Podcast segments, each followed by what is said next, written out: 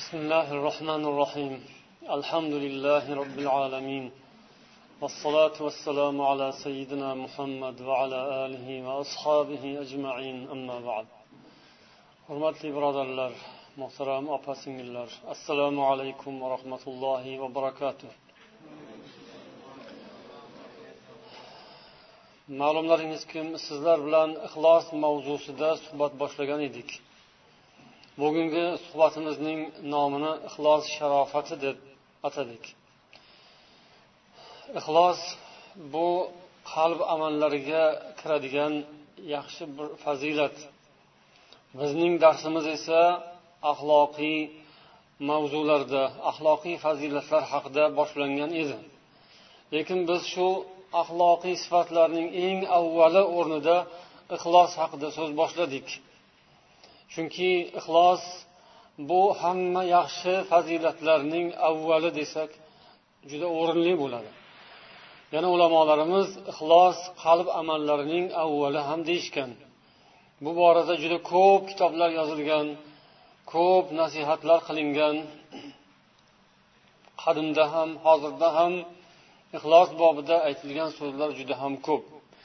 Jumladan shayx munajjidning silsilat amalil qulub degan kitoblari mana shu borada e'tiborli kitoblardan. Biz suhbatimizni ana shu kitob asosida olib boramiz inshaalloh. Qalb amali deganimizda eng avvalo iymon nazarda tutiladi. Ya'ni qalbning ham amali bor inson a'zolarining ham amali bor. Avvalo qalb amalidan boshlanadi bu iymon allohga iymon keltirish. Payg'ambarimiz sollallohu alayhi vasallamga va u zot olib kelgan narsalarga iymon keltirish qalb amali. Undan keyingisi ixlos. Bu ham qalb amali. Ixlos iymon bilan yonma yon turadigan amal. Iymon allohga ishonish e'tiqod qilish bo'lsa ixlos demak mana shu narsa iymonni to'lg'azadi. Ixlossiz iymon qabul bo'lmaydi. Chunki ixlos deganda xolis olloh uchun amal qilish ibodat qilish tushuniladi. Demak qalb amallarining avvalida iymon ixlos undan keyin esa rajo xavf turadi. Ya'ni alloh taolodan yaxshilik umid qilish allohning rahmatini umid etish gunohlar kechirilishini umid etish xavf esa gunohlari kechirilmay qolishdan xavfga tushish dunyo va oxiratda balo ofatlarga giriftor bo'lishdan xavfga tushish. Bu inson qalbida bo'lishi kerak. Qalbida ham iymon ixlos rajo va xavf mavjud bo'lishi kerak. Shuningdek muhabbat nafrat bu ham qalb amallaridan ya'ni yaxshi ishlarga muhabbat solih amallarga muhabbat olloh va payg'ambar yaxshi ko'radigan odamlarni yaxshi ko'rish ollohu payg'ambar yomon ko'radigan ular yomon degan odamlarni yomon ko'rish allohu payg'ambar qaytargan ishlardan nafrat qilish uzoq bo'lish bu avvalo qalbda paydo bo'lishi kerak. Bu qalb amali deb shuning uchun aytiladi. Agar bu narsa qalbda paydo bo'lmasa demak u insonning qalb amalida nuqson bor. Bu o'zidan o'zi iymonga daxldor iymonga nuqson yetkazadi. Demak qalb amali ham ixlos bilan boshlanadi yaxshi fazilatlar axloqu odob ham ixlosdan boshlanadi. Ixlos ana shunday ajoyib bir fazilatki u ham iymonga bog'liq taalluqli ham yaxshi xulqqa taalluqli. Shuning uchun biz axloq odob mavzusidagi suhbatlarimizning avvalini ham ixlos bilan boshladik. Iymon bobida tavhid bobidagi darslardan ham xabaringiz bor. Unda ham ixlos alohida zikr qilinadi. Ya'ni ixlos iymon tavhid darsida ham o'tiladi unda ham ixlos shart demak axloq bobidagi suhbatlarda ham ixlosning e'tibori alohida o'rin tutadi. Chunki ixlos insonning hatto harakatlarining mag'zi yoki ruhi joni desak bo'ladi. Inson xuddi tanasidan agar misol olsak tirik odam bo'lish uchun uning tanasi va u tanani ichida albatta joni ruhi bo'lishi kerak. Ruh chiqib ketgandan keyin u inson jasadga aylanadi. Uni inson deyilmaydi jasad deyiladi. Mayit deyiladi. Ruhi bilan qo'shilib turgan mahalda inson deyiladi. Ruhi ajralgandan keyin bir yog'i ruh bir yog'i jasad bo'ladi. Ruh bilan jasad qo'shilsa inson bo'ladi. Ruh tanadan chiqqandan keyin u mayitga aylanadi jasadga aylanadi va uni turpoqqa qo'yish kerak bo'ladi tez. Insonning amali ham shunaqa. Insonning amali xuddi jasad uning ichidagi ruhi esa ixlos. Ixlos va yaxshi niyat solih niyat bu xuddi jasaddagi ruhga o'xshaydi.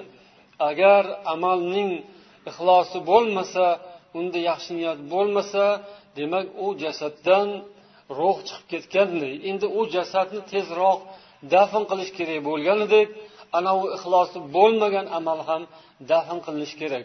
U ham yo'q bo'lishi kerak o'zi yo'g'on bo'lib ketadi. U hech narsaga arzimaydi.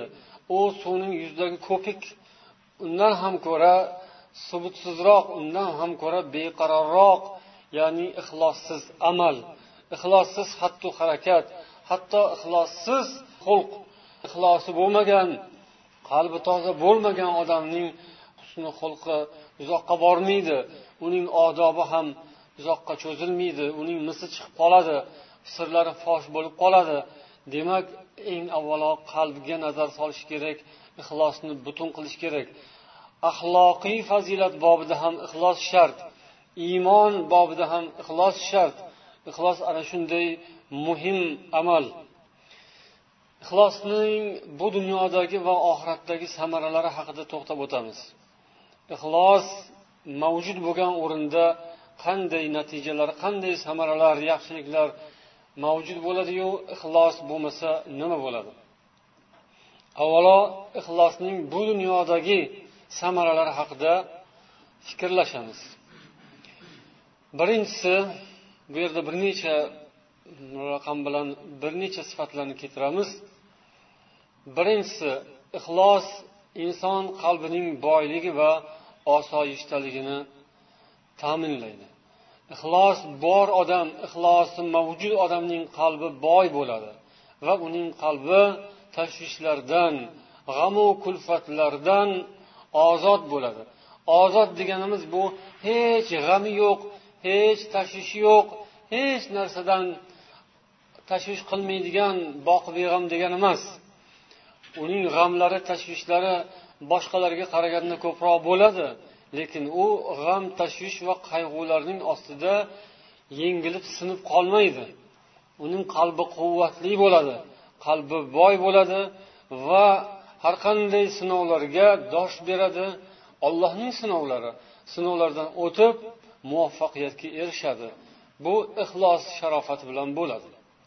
Payg'ambarimiz sollallohu alayhi vasallam aytadilarki kimningki agar g'ami tashvishi oxirat bo'ladigan bo'lsa alloh taolo uning boyligini qalbida qilib qo'yadi va ishlarini hammasini o'nglaydi.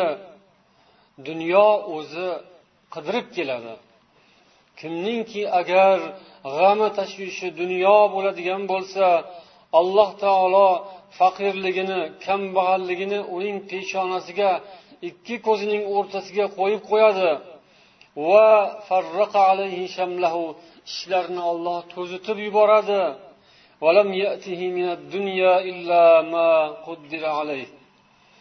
Dunyodan faqat unga yozilgani keladi xolos. Bu hadisni imom termiziy rivoyat qilganlar shayx alboniy sahih sanaganlar.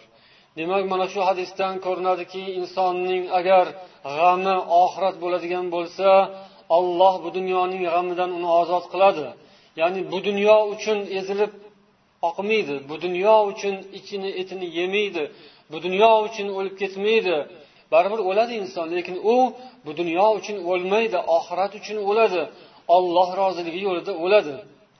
Olloh o'zining roziligidan uning jonini omonatini oladi. Demak ixlos bo'lsa mana shunday sharaf nasib bo'ladi. Ixlos mavjud bo'lsa u odamning qalbi boy bo'ladi va qalbi behuda tashvishlardan bekorchi g'amlardan zararli g'amlardan arzimaydigan bir cho'pga arzimaydigan tashvishlardan ozod bo'ladi. Aslida cho'pga arzimaydigan tashvishlarni odamlar tog'dek qilib oladi. Tog'ni boshiga ko'tarib oladi. Yelkasiga o'rnatib oladi. Aslida pista po'choqchalik ahamiyati yo'q o'sha tashvishlarni. Oxirat tashvishi oldida qabr tashvishi oldida savol javob hisob kitob tashvishlari oldida bu dunyoning tashvishlari aslida arzimaydi cho'pga arzimaydi. Zirabchaga arzimaydiku lekin kimgadir shunaqa ammo kimgadir shunaqa emasdi. Kimgadir u nihoyatda katta tashvish g'am alam qayg'u hasratu nadomat ya'ni ixlosi yo'q odamga shunday bo'ladi. Demak ixlos bo'lsin ilohim qalbingiz boy bo'ladi. Tashvishlardan demak siz xalos bo'lasiz shu ma'nodaki tashvishlarni yengasiz. Unga siz mag'lub bo'lib qolmaysiz. Tashvishlar sizni yeb qo'ymaydi inshaalloh. Ikkinchi samarasi ya'ni ixlos kimdaki ixlos mavjud bo'ladigan bo'lsa u odamning gunohlari yuviladi. Hatto gunohi kabirasi ham yuvilishi mumkin. Shayxul islom ibn taymiya rahimaulloh aytadilarki ba'zi bir solih amallar bo'ladiki o'sha amalni inson agar komil ixlos bilan qiladigan bo'lsa shuning sharofati bilan gunoh kabira ham yuviladi buning misoli anavi hadisda kelgan ana bu ayolning misolidir. Ya'ni bir bog'iya ayol bir buzuqi ayol yo'lda ketayotganda bir itni tashna bo'lib yotgan itni ko'rib o'zi o'zidan o'zi ham tashnalikni azobini tortgan suv ichib tashnaligini qondirgan ayol itni ko'rib rahmi kelib keyin o'sha suvga tusholmaydigan joydan mm, kafshiga suv olib olib chiqib haligi itni sug'ordi. Mana shu narsa uning qalbidagi ixlosi tufayli vujudga keldi. Alloh taolo uchun deb shu ishni qildi va alloh uning gunohini kechirdi. Gunohi kabira edi olloh uning gunohini kechirdi. Demak ixlos ba'zi o'rinda hamma o'rinda ham emas hamma o'rinda emas deganimizning sababi hamma o'rinda ham ixlosni butun qilib ushlash qiyin bo'ladi. Agar hamma o'rinda shunday ixlosini butun qilib ushlab yurgan odam bo'lsa u salkam farishta bo'ladi. U unga havas qiladigan inson bo'ladi. U ajoyib odam bo'ladi. Lekin bu ixlos shunaqa bir nodir narsaki bir keladi bir ketib qoladi. Bir paydo bo'ladi bir qidirib topolmaysiz o'zingiz ham. Bilasiz ixlosingiz pasayib ketganini. Bir kelgan mahalda o'zingiz sezasiz. O'sha paytlarda demak yaxshi amallarni ko'proq qilib qolish kerak. Ixlos ketgan paytda tavba qilish kerak istig'for etish kerak ollohdan panoh so'rash kerak. Demak ba'zi o'rinlarda ixlos bilan qilingan amal insonning gunohlarini yuvilishiga sabab bo'lar ekan. Uchinchi fazilati ixlos insonning muboh amallarini ibodatga aylantiradi. Oddiy oddiy holatda qilinadigan ishlarni biz muboh deymiz. Muboh degani qilsa ham qilmasa ham farqi yo'q. Savob ham gunoh ham berilmaydigan oddiy ishlarni muboh deyiladi. Ana shunday oddiy ishlar uxlash ovqatlanish uyni u bu ishlarda yurish u yoq bu yoq yumushlarni qilishingiz bu muboh ishlar. Uni qilsangiz qilmasangiz birov malomat qilmaydi. Masalan kunduzi ozgina uxlab olaman desangiz ham o'zizni ishingiz uxlamasangiz ham o'zizni ishingiz birov bunga daxl qilmaydi bunga baho berilmaydi. Ammo ixlos bilan niyat bilan agar ollohga yaqinlashish va allohdan savob umidida agar siz muboh ishlarni qiladigan bo'lsangiz bunga savob olasiz. Payg'ambarimiz sollallohu alayhi vasallam buxoriy rivoyatlarida kelgan hadislarida innaka lan tunfiqa nafaqatan tabtaghi biha wajhalloh illa ujirta alayhi hatta ma taj'alu fi fami imra'atik. Sen olloh yo'lida agar Alloh roziligini o'ylab biror bir sadaqa ehson qiladigan bo'lsang infoq qiladigan bo'lsang xarajat qiladigan bo'lsang albatta shunga savob olasan. Hatto ayolingning og'ziga solgan bir luqmang uchun ham dedilar. Demak bu oilangizda ayolingizga bola chaqangizga yediradigan narsa bu. Buni bizda xarajat deb qo'yiladi. Xarajatga ketyapman falon joyga bozorga yoki do'konga. Ehsonga demaysiz. Oilamga ehson qilish uchun bir saxovat qilib savob olish uchun demaysiz. Xarajatga deysiz. Sal e, quloqqa uncha daromad emas xarajat. Lekin siz shuni shundan ham savob olishingiz mumkin ekan.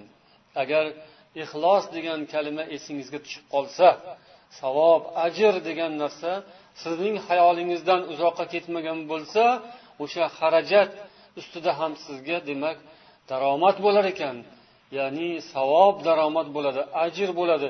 Mana shu bola chaqamga shu narsa ehson bo'lsin olloh manga savob bersin oilamga yoki ahli ayolimga yoki qarindoshga yoki bola farzandga boshqa yoki do'st birodaringizga. Demak agar niyat qilsangiz agar siz ixlos bilan shu ishni bajo qilsangiz savob bo'ladi. To'rtinchisi mashaqqatlardan qutulishga sabab. Ya'ni ixlos insonning bu dunyodagi duch keladigan mashaqqat kulfatlardan qutulishiga sabab bo'ladi. Olloh o'zi beradi mashaqqatlarni ham chunki sinov imtihon. Lekin inson shu sinovku imtihonku mayli davom etaversin demaydi ja yaxshi bo'lyapti demaydi shu narsadan qutulishga harakat qiladi. Biladi uning savobligini ajrligini. Lekin qutulay qutula qolay deydi chunki toqatim yetmay qoladi deydi. Shuning yo'li nima? Shuning yo'li ixlos. Agar insonda ixlos bo'lsa amallarini ixlos bilan qilsa solih ishlarini bu uning boshidagi kulfatlarni ketkazishga yordam qiladi yo'l ochadi. Buning misoli esa yana ko'pchiliklaringizga ma'lum. Rasululloh sollallohu alayhi vasallam hadislarida xabar berganlar sizlardan oldingi o'tgan qavmlardan uch kishi safarga chiqdi.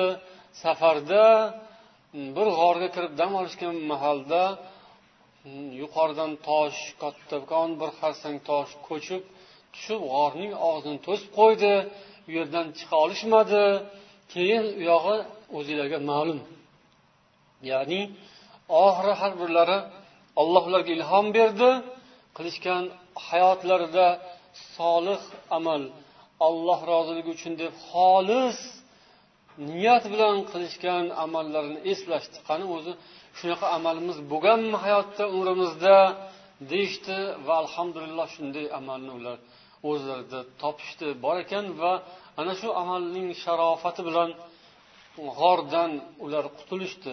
O'sha ya'ni ko'milib qolgan yopilib qolgan to'silib qolgan ehtimol uning oqibati o'lim bilan tugaydigan g'ordan o'sha og'ir holatdan ular qutulishlariga ularning ixlos bilan qilgan solih amallari sabab bo'ldi. Demak insonning amallarini solih amallarini ixlos bilan qilib yurishi uning hayotda uchraydigan mashaqqatlarni osonlik bilan daf bo'lishiga sabab bo'ladi inshaalloh. Beshinchi samarasi ixlos insonni o'z sohibini hikmatga erishtiradi. Hikmat nima? Hikmat har bir ishni o'zining o'rnida qila bilish har bir so'zni o'rnida ayta bilish. Ya'ni buning aksi zulm yoki adl va hikmat barobar mutarodif so'zlar adlda ham shunaqa. Adolat nima yoki hikmat nima bir biriga o'xshab ketadi. Har bir ishni o'zini o'rnida qila bilish so'zni ham o'rnida ayta bilish. Bu hikmat. Odam olim bo'lishi mumkin deyishadi ulamolar lekin hakim bo'lmasligi mumkin.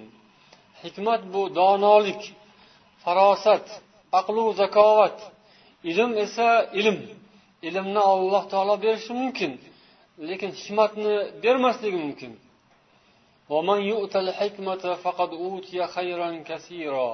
Kimgaki hikmat berilgan bo'lsa unga juda ko'p yaxshiliklar berilgan bo'ladi.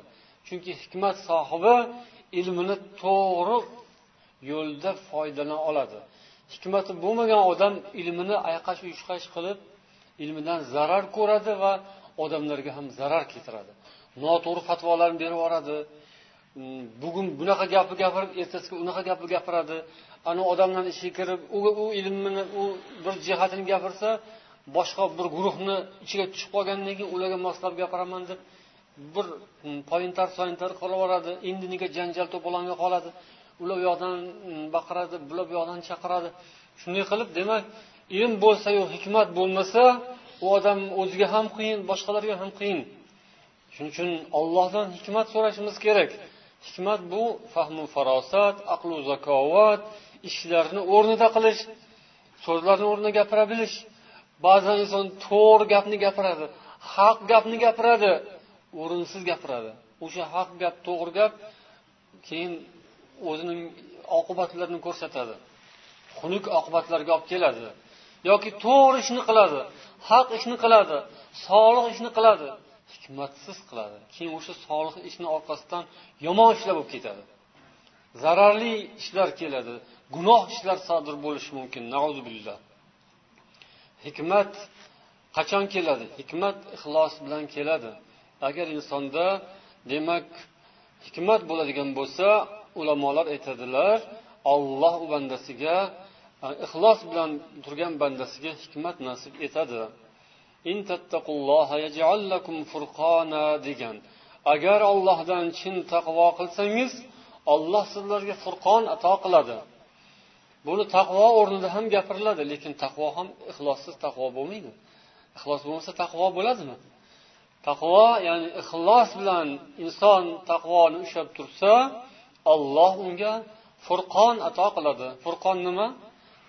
Haq bilan botilni o'rtasini ajratadigan narsani furqon deyiladi.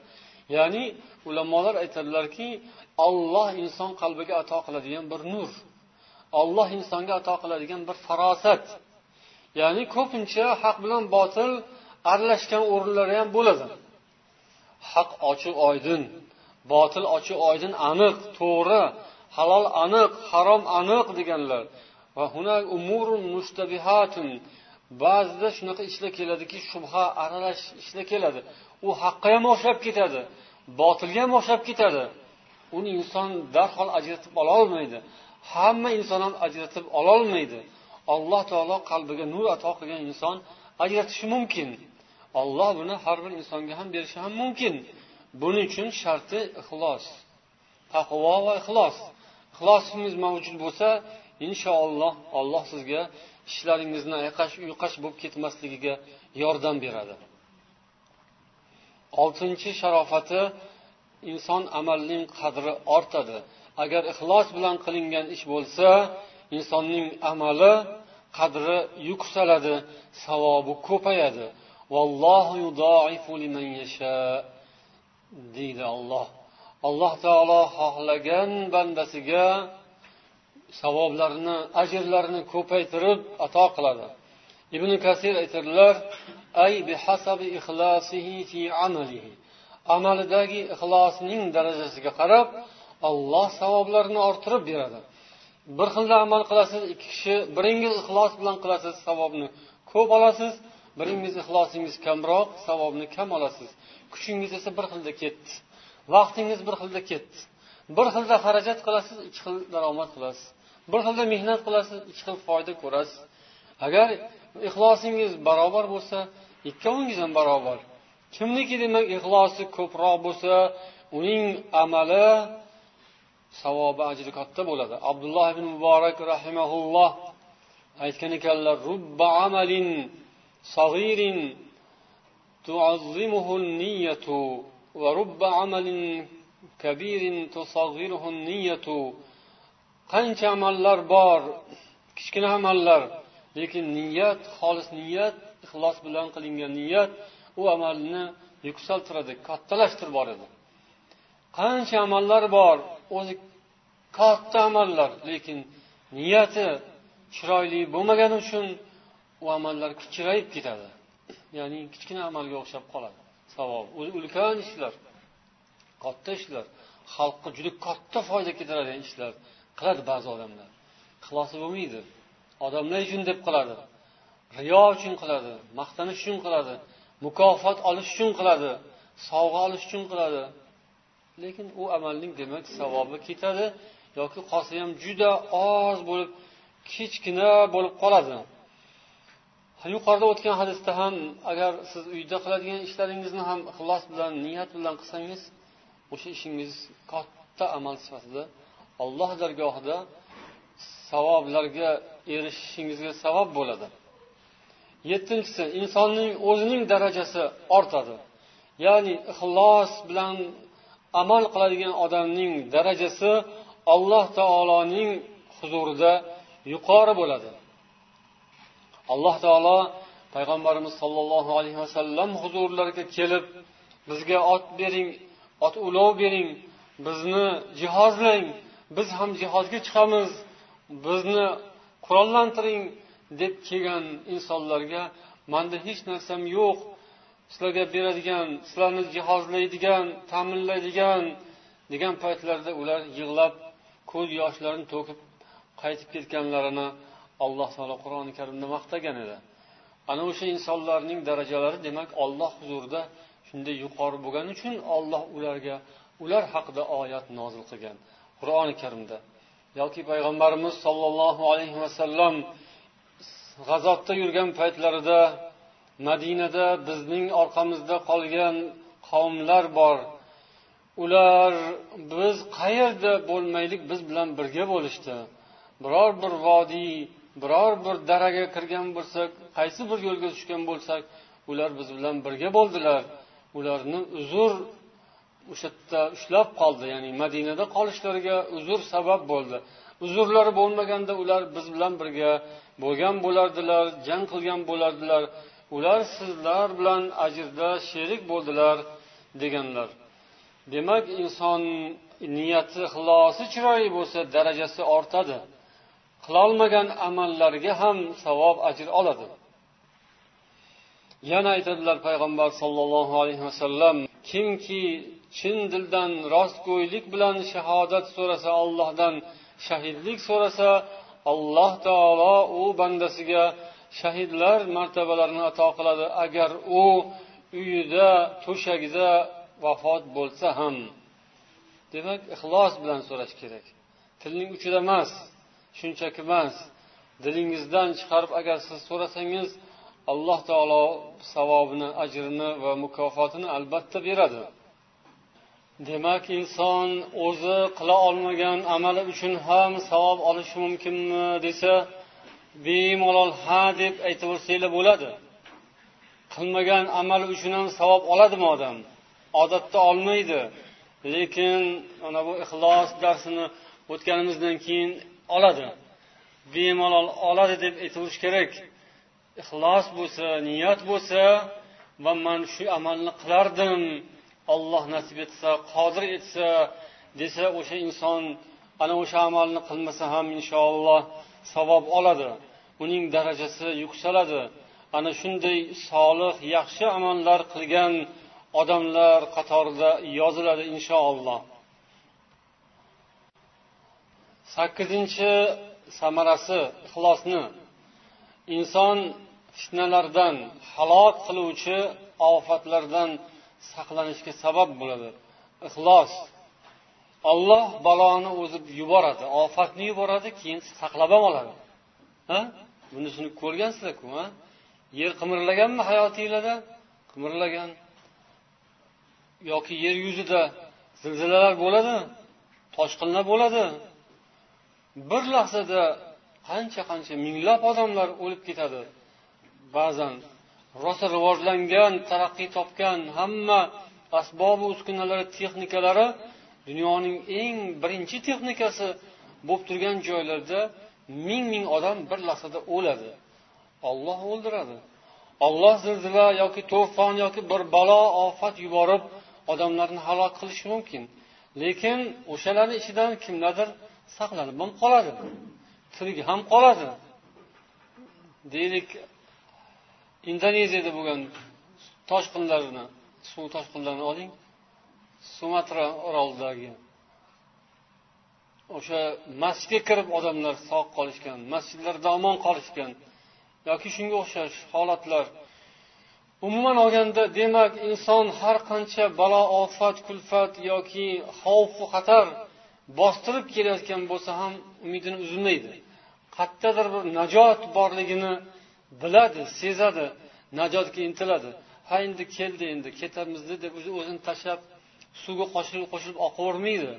Yoki bo'lmasam tushib kelayotgan bo'lsa narsa tagida turavermaydi. Endi tushadida endi qochib haqqa borardik demaydi. Harakat qiladi.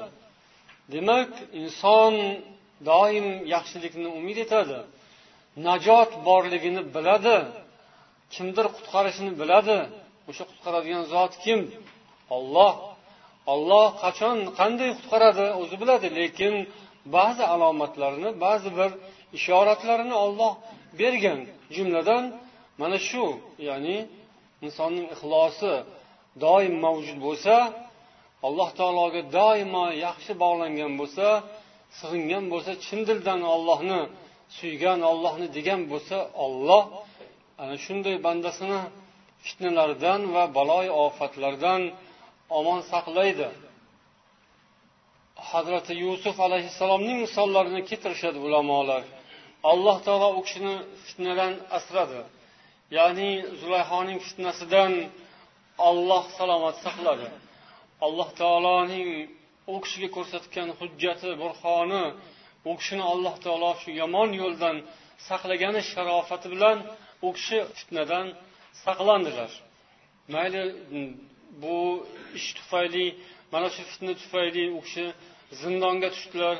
Qancha mashaqqatlar chekdilar lekin u chekkan mashaqqatlari u kishiga savob ajr va foyda bo'ldi oxirida u nima bilan yakunlandi ulug' martabalar bilan yakunlandi eng asosiysi yomon ishdan fitnadan alloh taolo u kishini o'zi himoya qildi لولا أن رأى برهان ربه كذلك لنصرف عنه السوء والفحشاء innahu min ibadinal muxlasin deb alloh taolo yusuf alayhissalomni maqtagan. Agar u parvardigorining hujjatini ko'rmagandami? Ya'ni robbisining hujjatini olloh ko'rsatib u kishini o'sha yomon narsadan qaytardi. Ana shunday biz undan yomonlik va faxsh ishni surib yuboramiz. Surib yubordik boshqa yoqqa burib yubordik. Chunki u bizning muxlos bandalarimizdandir. U bizning ixlosli xolis e'tiqodli bandalarimizdan edi. Shuning uchun biz uni yomonliklardan asradik yomon ishlarni undan nari qilib burib tashladik deydi alloh taolo. Demak mana shu yerda ixlosni olloh zikr qildi. Muxlos bandalari ya'ni olloh ularga ixlos ato qilgan ixlosli zotlar bo'lishgan. Ana shu tufayli ularni olloh fitnadan asragan. Shunga o'xshab bugungi dunyo ham fitnalar to'lib toshgan dunyo. Alloh taolo bu dunyoda ayniqsa bu zamonda fitnalarga duchor qiladi mo'minlarni musulmonlarni. Ana shu fitnalardan ollohning o'zi saqlaydi ham. Olloh o'zi yuboradi olloh o'zi saqlaydi. Lekin bandasidan ixlos talab qiladi.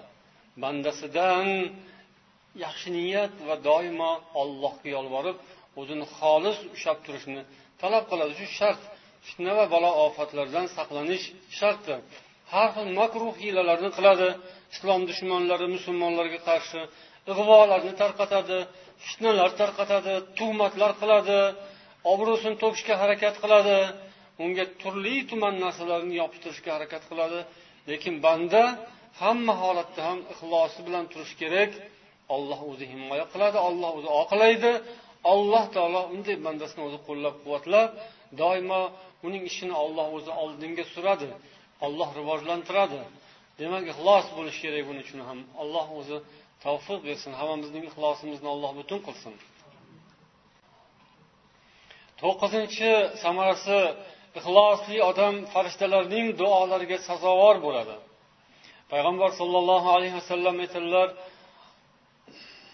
kimki agar masjidga chiqsa namoz uchun ibodat uchun qadam tashlab masjidga boradigan bo'lsa la yukhrijuhu illa solat uni faqat namoz chiqargan bo'ladi masjidga.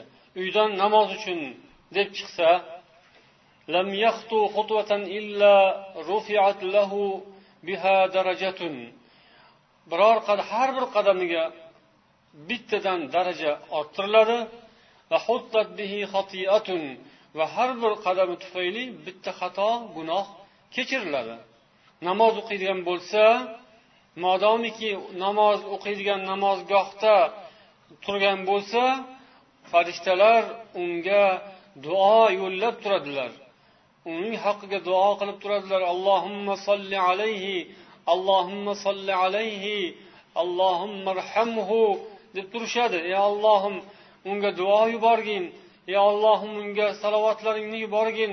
Ey ollohim unga rahmatingni ato qilgin deb duo qilishadi. Bu ixlos bilan bo'ladi. O'sha bandasi xolis niyatini olloh uchun qilib masjidga namoz uchun uydanoq o'zi uydanoq uydan hadeb chiqavermaydiku odam. Kuniga besh marta uydan kirib chiqmaydi. Uyda o'tiradi ishi bo'lmasa ko'chada ishi bo'lmasa. Ishi bo'lsa ishiga boradi. Lekin ana o'sha chiqishi xolis bo'lsa agar olloh uchun bo'lsa uning haqqiga farishtalar duo qilishadi. Ana shu duosiga ham demak insonning ixlosi sabab bo'ladi. Agar boshqa niyat bilan chiqadigan bo'lsa unga farishtalar duo qilishmaydi u yaxshilik ko'rmaydi. Yoki tolib ilm.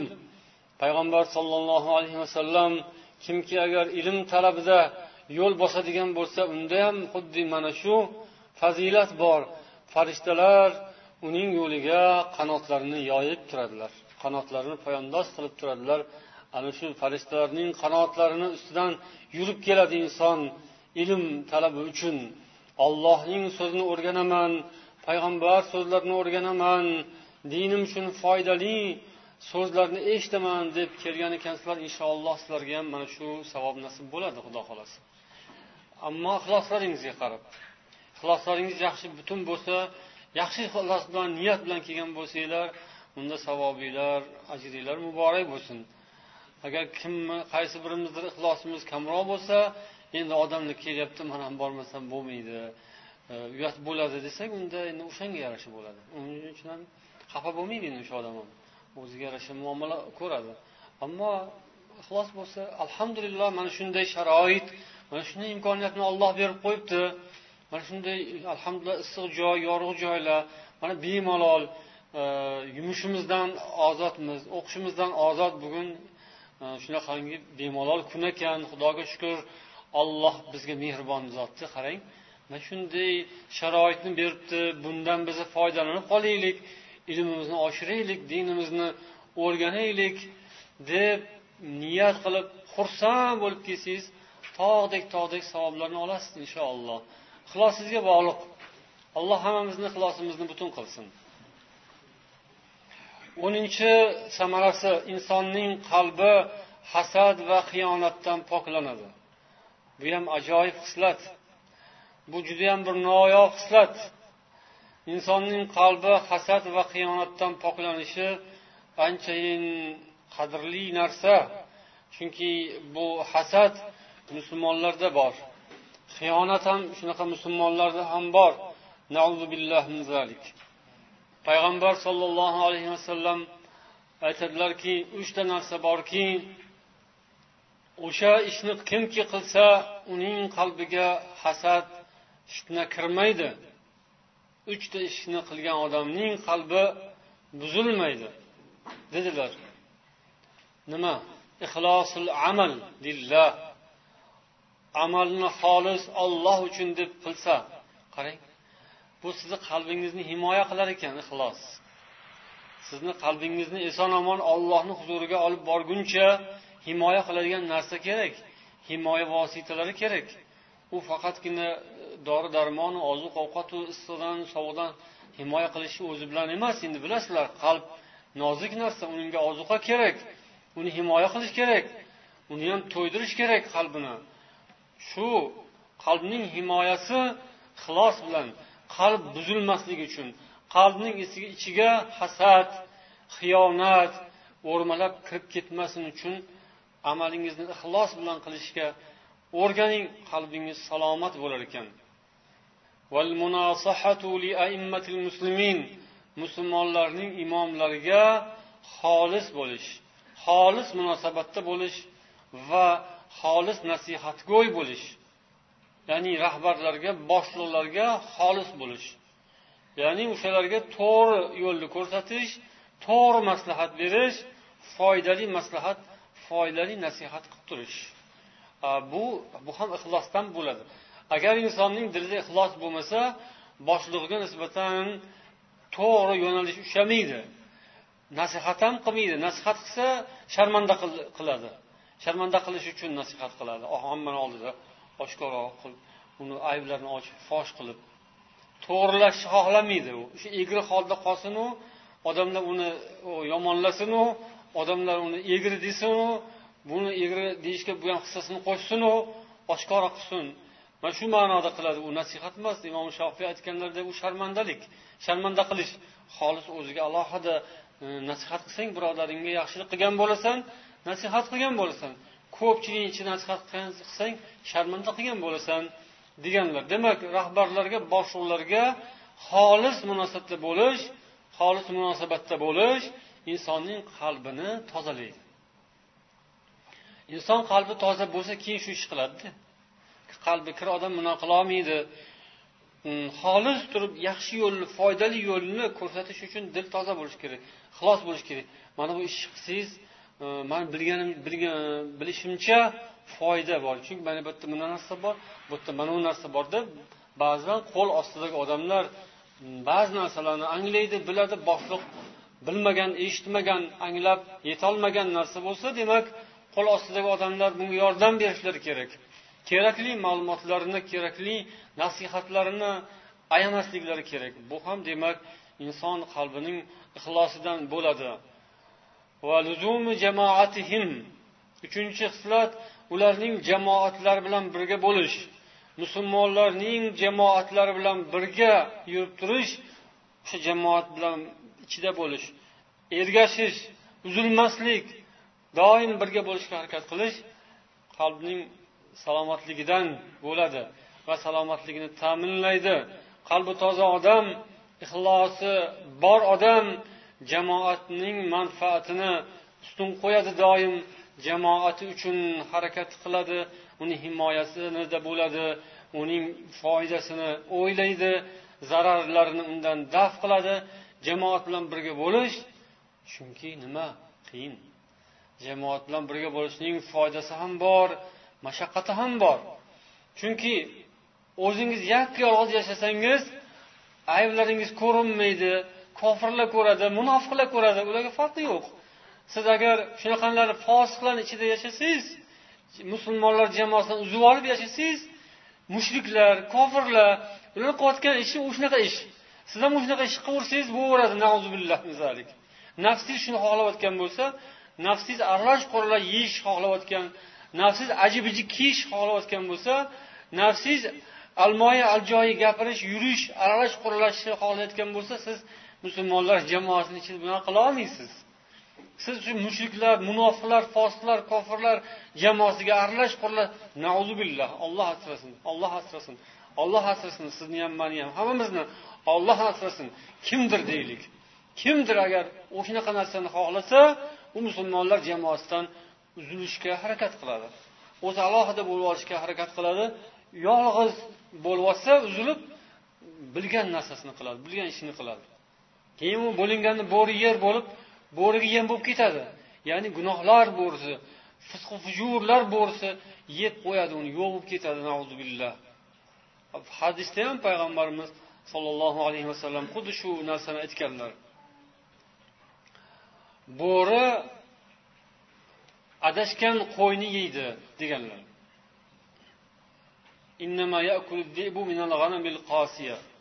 O'zbekchada ham shu bo'linganni bo'ri yer yoki podadan ajraganni bo'ri yer deyiladi. Haqiqatdan bu nimadan bo'ladi? Ani qo'y kasalligidan bo'ladi. U jismoniy u qo'yi qalbi kasal demaymizku endi.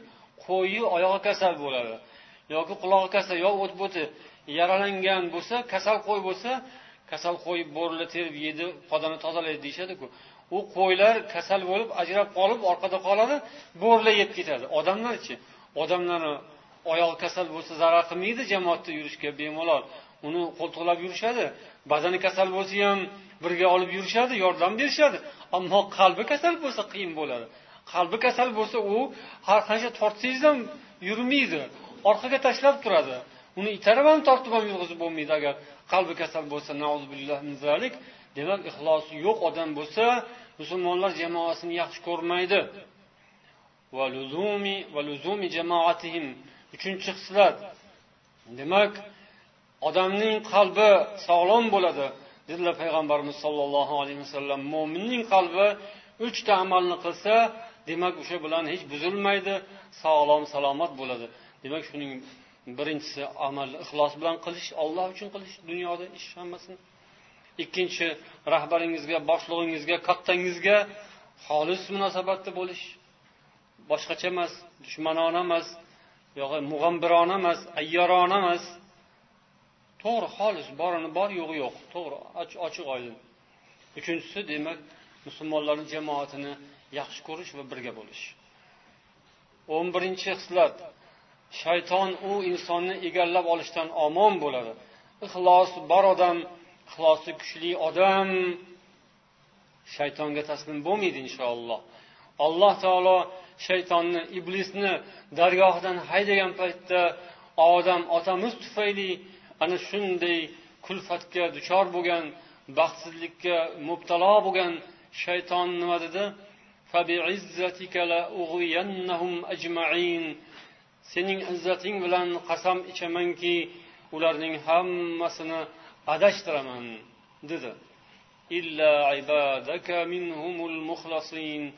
Magaram ularning ichidan sening muxlas bandalaringga kuchim yetmaydi dedi. Shayton ham bilardi. Olloh ham buni aytgan. Olloh ham o'zi aytgan. Mayli senga muhlat. To qiyomatgacha muhlat. odam bolalarini chalg'itib yo'ldan urib adashtirib yurishingga ruxsat lekin mening xolis bandalarim bo'ladi muxlis bandalarim bo'ladi ularga sening kuching yetmaydi ularni sen adashtira olmaysan degan alloh taolo قال رب فأنظرني إلى يوم يبعثون قال فإنك من المنظرين shayton dedi ey robbim meni odamlar tiriladigan kungacha menga muhlat ber. Bas sen muhlat berilganlardansan. Ya'ni senga ruxsat senga muhlat. Ila yawmil vaqtil ma'lum. Tayinlab belgilab qo'yilgan vaqt soat kelguncha ruxsat.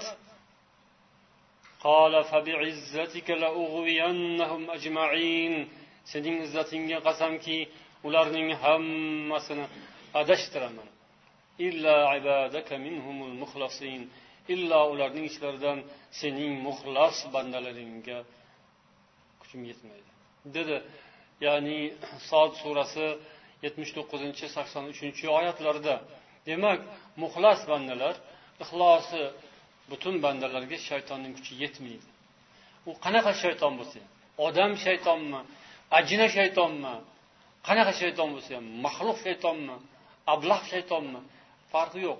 Inshaalloh mo'minlar musulmonlar muxlis insonlar ixlosli odamlarga kuch yetmaydi. Odamini ham boshqasini ham. U ham harakat qiladi bu ham harakat qiladi lekin hushyor bo'lish kerak. Kuch yetmas ekan deb beg'am buyursangiz billah o'sha uning mm, yiqitadigan joyi o'sha nuqtada bo'ladi. Doim hushyor bo'lib turadi muxlis odamlar. Ixlosi bilan e'tiqodi bilan ibodati bilan taqvosi bilan allohga sig'inishi bilan solih amallari bilan turadi. Bu qurol mana shu qo'rg'on mana shu. O'sha odamga shaytonning kuchi yetmaydi. Alloh hammamizni ana shunday ixlosli insonlardan bo'lishimizni nasib etsin. o'n ikkinchi nuqta. o'n ikkinchi samarasi ixlos odamlarning qalbini bir biriga oshno qiladi qalblarni do'st qiladi.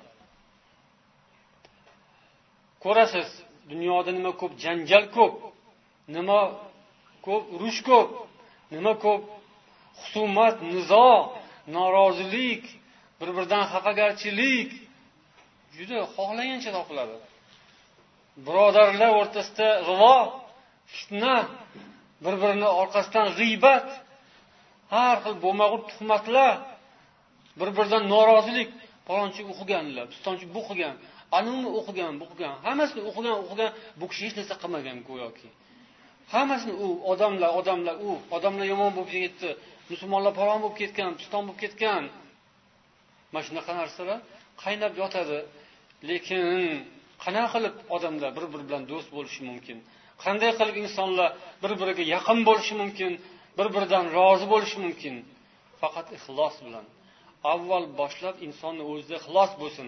Ixlos bo'lsa u bu dunyo uchun yashamaydi.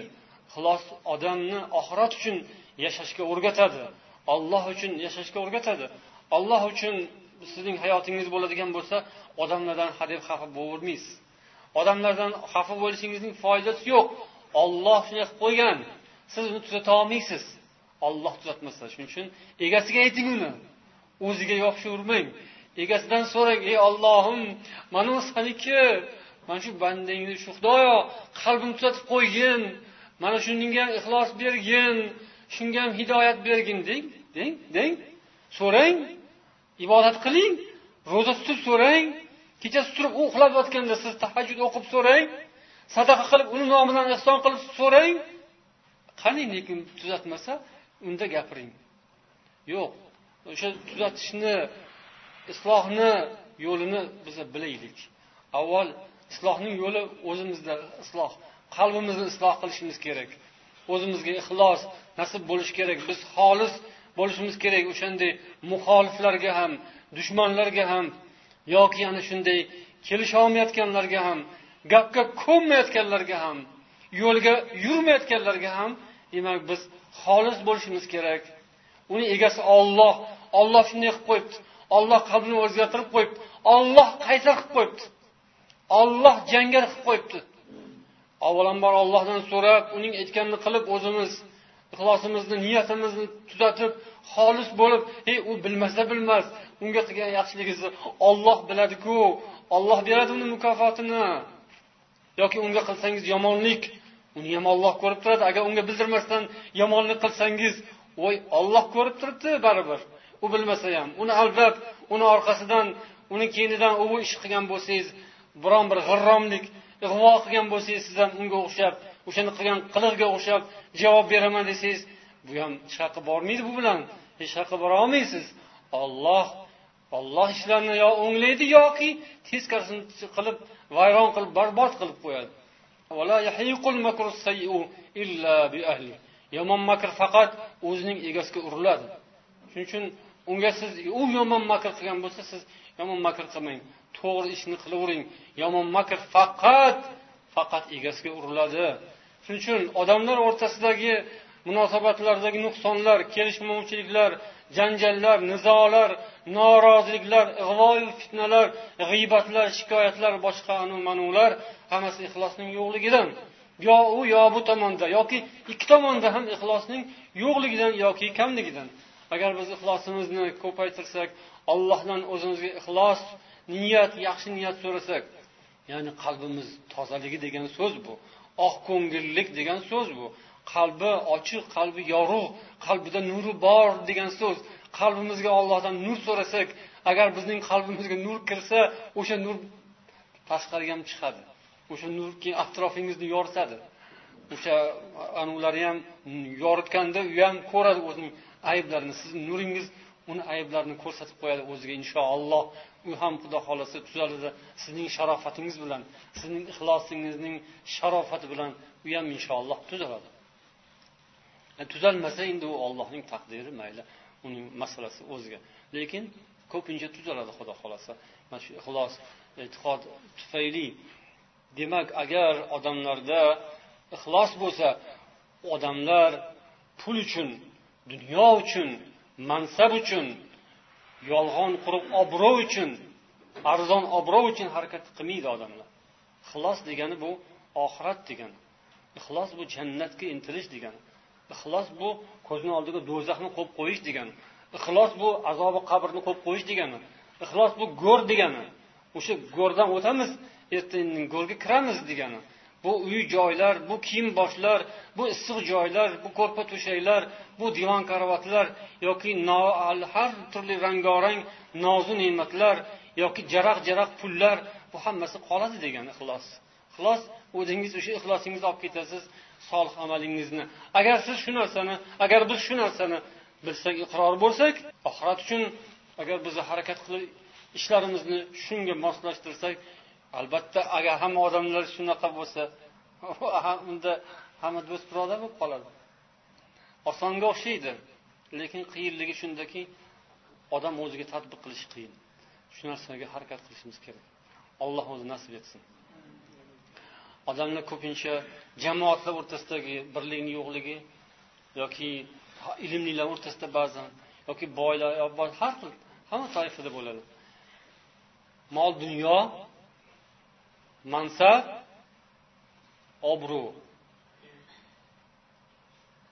ya'ni bu hammaga hammaga ilmliga ham ilmsizga ham boyga ham kambag'alga ham podshoga ham boshqasiga mana shu uchta omil ularni urushtiradigan. Mol dunyo pul ko'proq yig'ish uchun pul yo'lini ochish uchun birovni yo'lini to'sib turish kerak. Birovga yomonlik qilish kerak boshqa lekin unga pul keladi. O'sha pulni deb haligi ozgina haqi qolib ketgan bo'lsa ham urush janjal to'polon qilib yuboradi haqim qolib ketdi deydi. Pul uchun chiqadi. Keyin mansab. Mansab bo'lish uchun ham mansabga erishish uchun ham odamlar bir biriga quloq solmaydi. Bir biriga bo'ysungiz kelmaydi. O'zim bo'lishim kerak man mm, kattaman man lider bo'lishim kerak man aytganim bo'lishi kerak.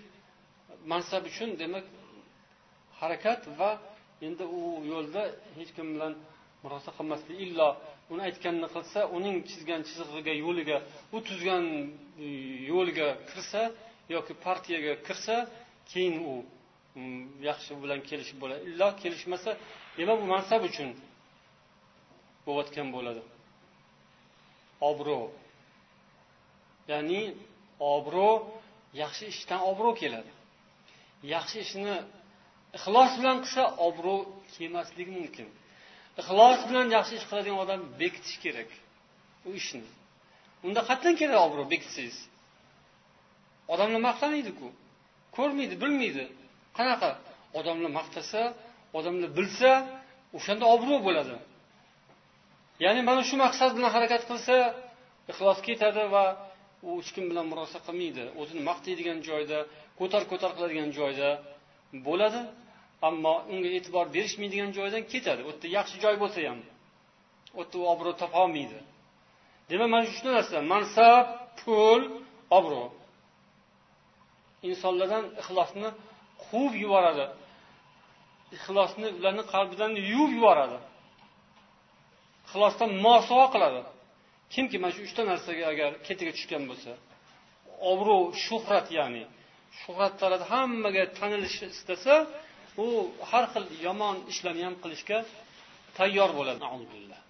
Yoki pul pul topish uchun ham shu ahvol yoki mansab. Bir narsani qo'lga kiritish hukumatni qo'lga kiritish uchun davlatni egallash uchun bu mansab yoki biror bir mansabni egallash uchun ixlosni yig'ishtirib qo'yish kerak. Agar ixlos bo'lsa bu qiyinlashadi. Odamlarning ko'ziga shuhratga erishish mashhur bo'lish ixlos bilan kelisholmaydi ixlos yoqtirmaydi. Pul ham shu davlatga chiqish mansabni egallash ham shu. Ixlosni yig'ishtirish kerak. Lekin savol tug'iladi nima ixlos bilan bo'lsa obro' kelmaydimi? Ixlosli bo'lsa pul kelmaydimi? Ixlosli bo'lsa davlat kelmaydimi? Nima ixlos e, bo'lish uchun ixlosli bo'lish uchun bulardan butunlay voz kechish umuman bu narsadan demak alohida bo'lish shunga to'g'ri unday emas. Alloh taolo bersa xohlasa ixlos bilan bersin. Ixlosingiz siz butun bo'lib olloh uchun yashab olloh uchun ibodat qilsangiz ham xudo olloh xohlasa sizni hammaga tanitaman desa tanitib qo'yaveradi lekin u sizga ta'sir qilishi kerak emas. Agar siz odamlarga tanilayin deb qilayotgan bo'lsangiz bo'ldi ketdi savobingiz yo'q bo'ladi. Mol dunyo ham e, mansab ham shunday. Ki olloh bersa ixlos bilan ham bersa beraveradi. Lekin inson shuni ketiga tushishi kerak emas. Demak odamlarni qalbini bir biriga oshno qilish do'st birodar qilish uchun zarur bo'lgan narsa ham ixlos bo'ladi. Agar ixlosli bo'lsa bir biridan e, o'pkalamaydi bir biridan mol talab qilmaydi bir biridan mansabga yordam berib yuborishni kutmaydi mani saylamadi mani qo'llab quvvatlamadi degan narsa bo'lmaydi. Xolis olloh uchun ixlos bo'lsa odamlar bir biriga dushman bo'lmaydi. O'n to'rtinchi o'n uchinchisi oxirgisi ya'ni bu dunyoda ixlos tufayli insonlar erishadigan yutuqlarning biz sanaganimizdagi o'n uchinchisi. Ehtimol ko'pdir. Nusrat. Allohning nusrati. Hammaning og'zida hammaning dilida hammaning tilida hammaning orzusida allohning nusrati. Allohning nusrati shu yuqoridagilarga bog'liq. Yuqorida aytilgan narsalar bo'lsa bo'ladi. Ya'ni ixlos mavjud bo'lsa alloh taolo yordam beradi. Xolis bo'lgan zotlarga xolis olloh uchun harakat qiladigan odamlarga olloh yordam beradi.